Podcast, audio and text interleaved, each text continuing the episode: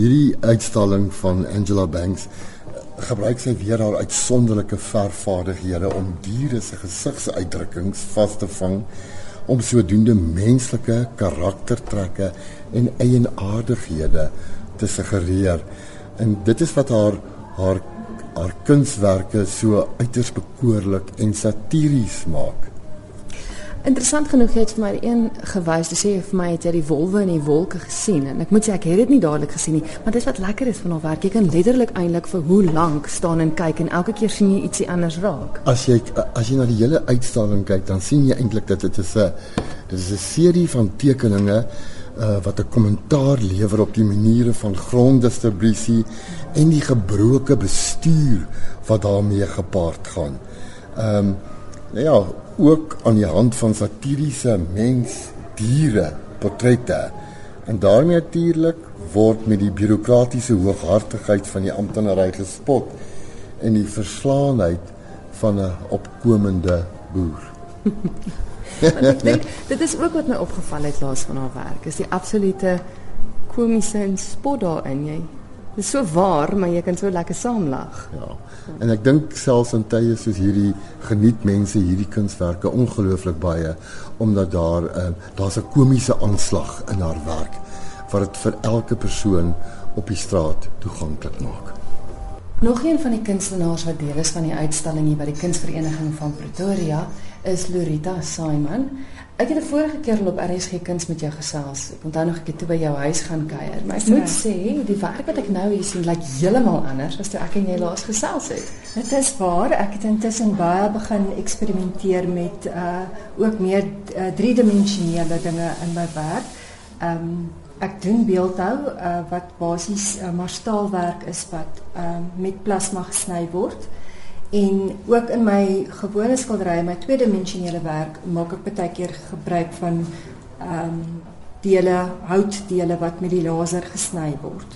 Met ander woorde, ek sal ehm um, soos jy kan sien dis 'n dit is die werk gaan baie oor 'n uh, interaksie tussen mense en diere, maar waar ek byvoorbeeld die hooffiguur of die aksentfiguur uh net in 'n uh, swart plat vlak sal weergee.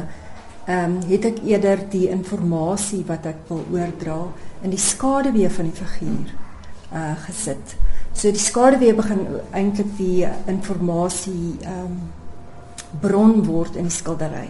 Ja, met laaste ons gesels het jou werk was uiters realisties geweest. Ek sien jy het dit heeltemal verloor nie, want die een wat ons byvoorbeeld nou kyk is van 'n kat. Jy het die swart silhouet van 'n kat, maar binne hom is 'n baie realistiese gesig van 'n kat. Korrek. Ja, met ja, ek kan nie ek sal nie regtig sê my verfstyl het soveel verander nie. Ek dink dit is net hoe ek dinge hmm. kombineer. Hmm. Hmm. Ja.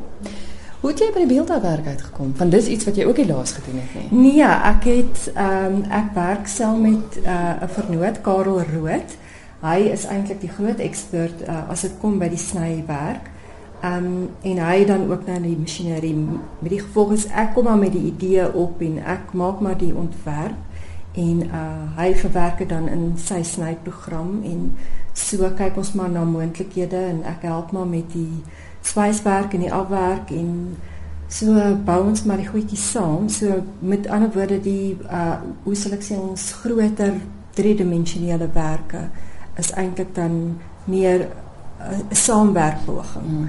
uh van ons twee se kant maar ehm um, in die skilderye sny hy ook vir my die figuurtjies dan uithoud uit en dan werk ek dit maar net in die skilderye in en my skilderstyl is dink ek is maar nog dieselfde ja hmm.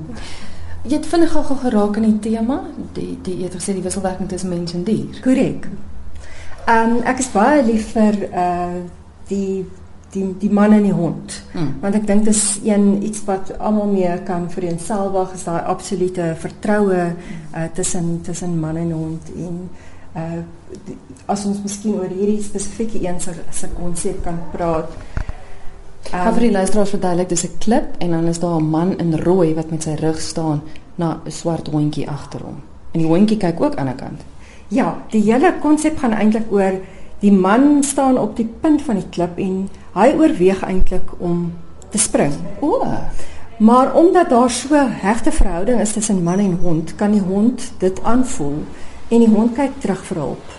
Maar so voel ek uh maar dit is nou die konsep wat ek nou oorbring, maar ek voel ook ehm um, dit is baie oop vir uh vir die kyker om self om te besluit wat lees hy in die werk en wat van die werk praat met hom en hoekom hy so graag die werk sal wil besit. Ja. Hierdie spesifieke ehm um, uh, uh, werkie het ek 'n uh, uh, edition gemaak van van 7 waarvan al 7 al verkoop is en dit was net so gewild want ehm um, op een of ander manier het dit praat dit met so baie mense. Want die ander een wat hier langs aan is is waar die man en die hond nou vir mekaar kyk. Correct. En en dit is so lekker soos wat jy sê want elkeen kan eintlik sy eie storie maak. Absoluut. Mm. Ja.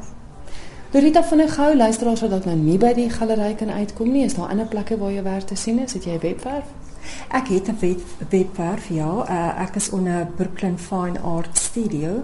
Uh en dit is maar net basies Brooklyn-Fine Arts- en ehm um, daar is groterwerke van my op die oomblik uh voor in in Long Street voor uh Trent Gallery is daar groot werk van my op en ook in Charlesstraat het ek nou uh 'n taksiman opgesit vir die Cool Capital. Hmm. Maar ja, ek het ek's nog in 'n baie beginstadium met die met die uh met die beeldhouwerke. So daar is nog nie so baie van dit te sien nie. By die kunsvereniging het hulle ook 'n uh, 'n stukkie buite wat aan hulle permanente versameling behoort.